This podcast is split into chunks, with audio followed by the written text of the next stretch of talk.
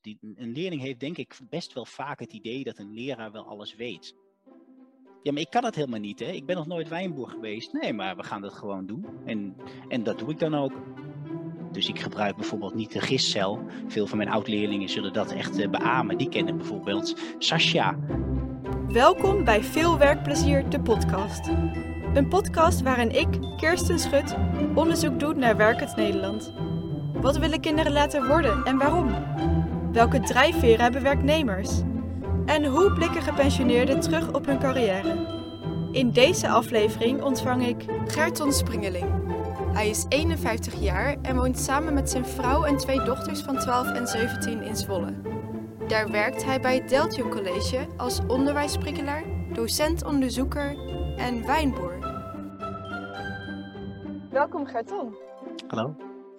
We hoorden net al in de intro dat uh, jij onderwijsprikkelaar bent. En volgens mij spreekt dat wel tot de verbeelding. Maar kun je dat toch nog even toelichten?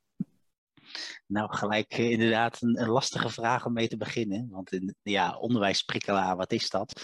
Uh, nou, het is een zelfbedachte term die wel bij mij past. Dat ik altijd probeer vanuit ja, energie dingen ja, aan te zwengelen om, om beter te krijgen. Of het nou bij een student is of bij het onderwijs in het algemeen. Uh, ja, om, om nieuwe dingen uit te proberen en mensen te prikkelen om uh, altijd na te denken over wat ze doen. Uh, ja, dat is denk ik wel uh, de reden waarom ik mezelf onderwijsprikkelaar ben gaan noemen. En werk je dan naar iets toe, naar een bepaalde ideaalsituatie? Ja, ja, dat geloof ik wel. Ik geloof wel dat ik een soort hoger doel heb dat nou ja, als ik straks bij Petrus bij de poort sta, dat hij dan zegt van, goh, uh, Gerton, jij hebt wel wat, wat, wat goeds gedaan om het onderwijs geprobeerd verder te krijgen. Want uh, alle ingrediënten zijn er. Hè. Er zijn over het algemeen hele betrokken leraren. En, en, en leerlingen zijn eigenlijk extreem leergierig. Alleen, ja, soms kunnen we nog wat meer van elkaar leren. Dus al het goede wordt al gedaan, maar of nou altijd uh, iedere leraar alles deelt of uh, wat er in het basisonderwijs goed gaat, dat dat meegenomen wordt weer in het vervolgonderwijs of iets dergelijks. Daar kunnen we denk ik nog meer van elkaar leren. Dat is wel mijn hoge doel. En welke ideeën breng je dan zoal in? Jeetje, ik ben uh, dus Um, nou, een jaar of zeven geleden heb ik mijn masteropleiding afgerond. En dat was wel een moment dat ik merkte dat ik veel meer traag ging denken. Dus veel meer niet van, nou, ik heb een idee en ik, ik, doe het gewoon. Dat doe ik trouwens nog steeds best wel veel hoor.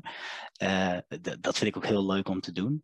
Maar met name uh, dat ik ook ben gaan kijken van, goh, ik ben iets van plan. Hoe, hoe, hoe werkt het eigenlijk vanuit de literatuur? Wat is er eigenlijk al bekend? Dus wat, wat zouden we uit kunnen proberen? Dus meer een beetje uitproberen maar toch al een beetje over nagedacht of iets dergelijks.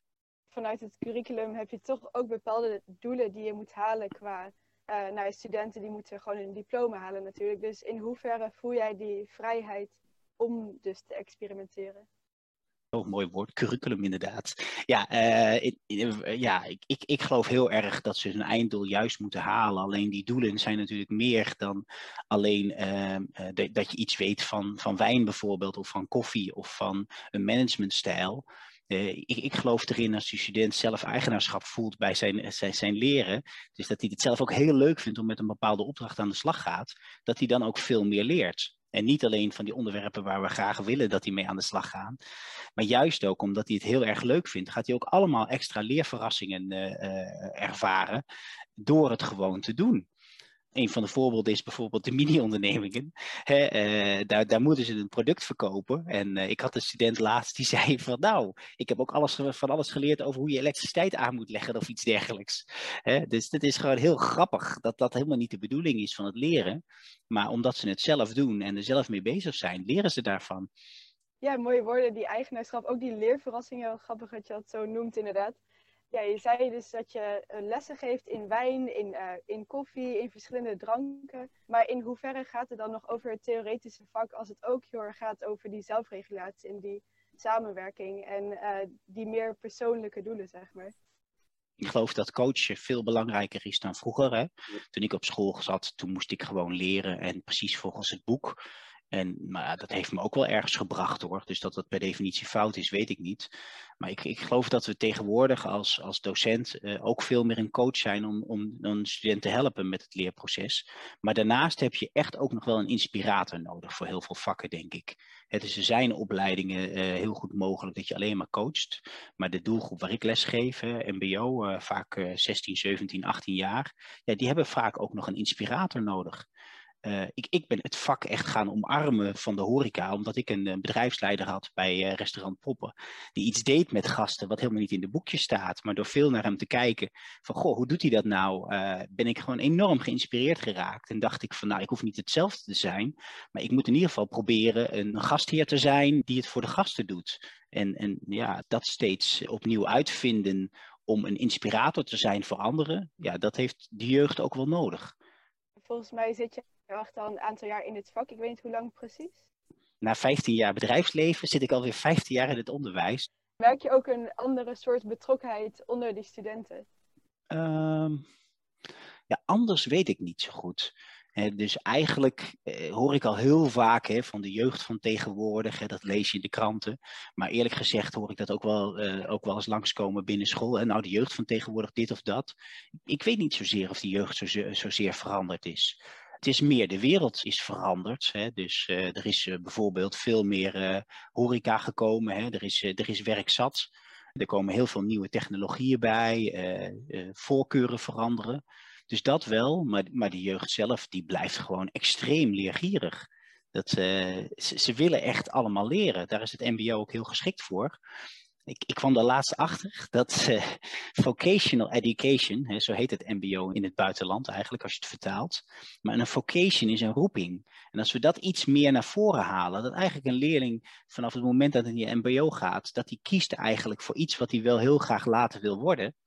Ja, de, hoe mooi is dat om dat te beseffen, dat ze hier bij ons binnenkomen en dat ze er gewoon erg zin in hebben. Dat, uh, alleen, ja, dat zeg je natuurlijk niet tegen je klasgenoten als je net in de puberteit zit, dat je zin in school hebt en zin in leren. Maar ze hebben het wel. Ja, nou dat vraagt ook echt wel iets van jou als leerkracht om ja, daarop voor te borduren, op die zin van de leerlingen om dus te leren en om zich ergens in te ontwikkelen. Want ja, hoe bouw je dan een les in um, op basis van het gegeven dat ze dus willen leren? Toen ik bijvoorbeeld uh, uh, wijnlessen kreeg, hè, toen had ik een, eh, een, een, wijndocent die heel erg vanuit dure woorden ging vertellen. en ik kreeg de indruk dat die leraar dan mij ook wilde vertellen hoeveel hij of zij wel niet wist. en op een gegeven moment deed ik de opleiding gastronomie bij de Echoput. En er was een leraar en die ging een verhaal vertellen over hoe het werkte bij hem als hij in de tuin zat. dat als het donker werd, dat hij dan uh, een deel van zijn sensoren uh, dus niet meer kon gebruiken, zijn ogen. Dus dat daardoor zijn oren veel beter gingen werken. En door zo'n verhaal te vertellen, ging ik in één keer snappen hoe belangrijk het is om gewoon uh, sensitief te zijn, dat je papillen ertoe doen, bij wijze van.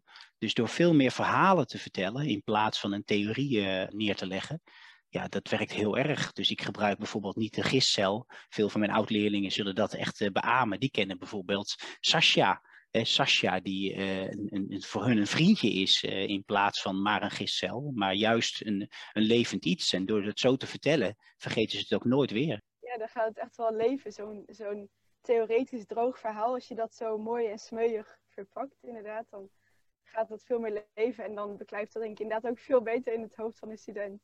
En in hoeverre klopt dit? Zonder van wijn te houden kun je nooit echt gelukkig worden. ja, nee, ja, dit is een beetje een stoute opmerking van mij. Hè? Dus dat is een, eh, een, een, prikkeling, bewijzen van. Maar uh, ik probeer ze wel te prikkelen om ergens een passie voor te krijgen. En of dat nou uiteindelijk voor wijn is, of voor een goed debat, of voor uh, heel, heel, heel goed te luisteren naar andere mensen, of heel zorgzaam te zijn. Maar dat je iets vindt waar je van houdt. En ik probeer die passie voor wijn dan wel bij hun neer te leggen. Van een, een goed glas wijn en daar een, een gesprek over hebben, of daarover nadenken van wat het dan betekent waarom het een goed glas wijn is. Ja, dat vind ik heel belangrijk. En liever één goed glas wijn dan een half kratje bier. dat, uh, daar zit wel wat achter, een, een soort cultuur. het is een soort uh, statement tegen de uh, McDonaldisering van de maatschappij. Dat we maar iets eten wat standaard is, maar dat je gaat nadenken over wat dat betekent dat iemand dat met liefde gemaakt heeft. Ja, ik wil inderdaad vragen van, wat is dat nou, zo'n goed glas wijn? Waarom genieten mensen daar zo van, in plaats van dat ze lekker naar een terrasje gaan, samen een glaasje cola of een glas limonade drinken? Waarom nou een wijntje? Ja, dat is... Uh... Ja, ik, ik geloof wel als je bijvoorbeeld een belangrijk zakelijk gesprek hebt, of je hebt een, eh, een, een moeilijk gesprek te voeren over een persoonlijke relatie of zo, dan voegt zo'n goed glas wijn niks toe. Want dan heb je je focus bij iets anders. Maar zo'n goed glas wijn, dat voegt wat toe wanneer je uh, ontspannen bent en uh, uh, iets te vieren hebt. Of, of het terras zit en denkt van, goh, de, de, zon is mooi. En daar heb je dan nog een perfecte Godello uit Spanje bij, die je precies doet terugdenken aan de tijd dat ja, daar voegt dat wat aan toe. Omdat je, het, het, het, het verrijkt je leven. Het, het, haalt, het geeft meer dimensies aan wat je doet. In plaats van alleen maar daar zitten en cola te drinken. Wat uh, overigens super slecht is voor je tanden. Uh, maar dat terzijde. In hoeverre voel jij je uh, die vader over je studenten dat zij niet doorslaan in, in het overmatig drinken? ja, nou dat weet je natuurlijk nooit. Maar ja, vooral die gesprekken aangaan gewoon het ook daarover hebben. En dat zit dan niet standaard in het, uh, in het curriculum, zoals je het net noemde, om het daar nou tijdens die lessen over te hebben. Hè. Uh, vaak is dat dan weer een aparte onderwijseenheid, maar ook gewoon dat gesprek aangaan van jongens, uh, hoe is het met jullie drankgebruik en wat hebben jullie van het weekend gedaan en, en hoe vind je dat dan? En, en ook jezelf daarbij kwetsbaar op te stellen. Hè. Dat ik ook vroeger als student wel eens te veel heb gedronken en, uh, en, en dat dat oké is, maar daar wel van te leren dat je dat niet 10 of 15 jaar lang uh, moet blijven doen. Uh, en dan komen er hele kwetsbare dingen op tafel hoor. Van, er is altijd wel een student die wel vertelt dat hij uit een gezinssituatie komt, of een vriendin kent of vriend kent, waar dit echt wel uit de klauw is gelopen. Dat, ja, dus dat hoort er ook bij. Hè, bij het mooie hoort ook het gesprek over ik geloof dat, dat dit ook is wat het allerbelangrijkste is. Dat je als docent kwetsbaar durft op te stellen. dat die, een leerling heeft denk ik best wel vaak het idee dat een leraar wel alles weet. En daar alles goed gaat. En als dan bij jou thuis niet alles goed gaat of weet. Uh, en, en, en dat ook niet op tafel komt. Dat andere mensen ook dingen meemaken die niet altijd oké zijn. Ja, dat, dat is nog veel belangrijker dan iets weten van wijn voel jij je dan nog wel een leerkracht of een docent? Want dan stel je misschien zelf meer op als een naaste student. Dat is het ook. Ik denk dat ik minstens net zoveel leer van mijn studenten als zij van mij leren. Dus we zijn nu met nieuwe modules bezig waar leerlingen aan werken. En dan maken ze dingen die ik helemaal niet bedacht heb, omdat ik die opdracht redelijk vrij schrijf. Uh, gaan zij enorm uh, aan de haal met waar zij zich in willen ontwikkelen. Dus de ene student die gaat een beetje linksaf, de andere rechtdoor, de andere een beetje rechtsaf. Maar dan maken ze bijvoorbeeld allerlei producten in een soort ICT-omgeving waar ik denk van, hé, hey, hoe heb je dit gemaakt? Wat tof zeg, laat eens zien.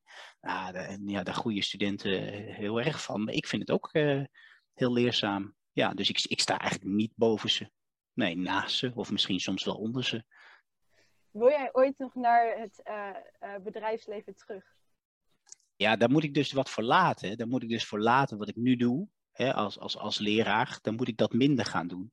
Ik, ik ben nu bij Deltron ongeveer voor een halve baan leraar en voor een halve baan doe ik projecten, onder andere als onderzoeker, maar ook Europese projecten en dergelijke. En als ik dan dus voor mezelf ga, ja, dan wil ik wel dat het van die projecten en dergelijke afgaat. Uh, maar ik zou wel altijd voor de klas willen blijven staan. Ja, ik vind dat wel het, het allerleukste en ook wel het allerbelangrijkste wat er is om, je, om de jeugd verder te brengen. Dat, uh... Jouw roeping.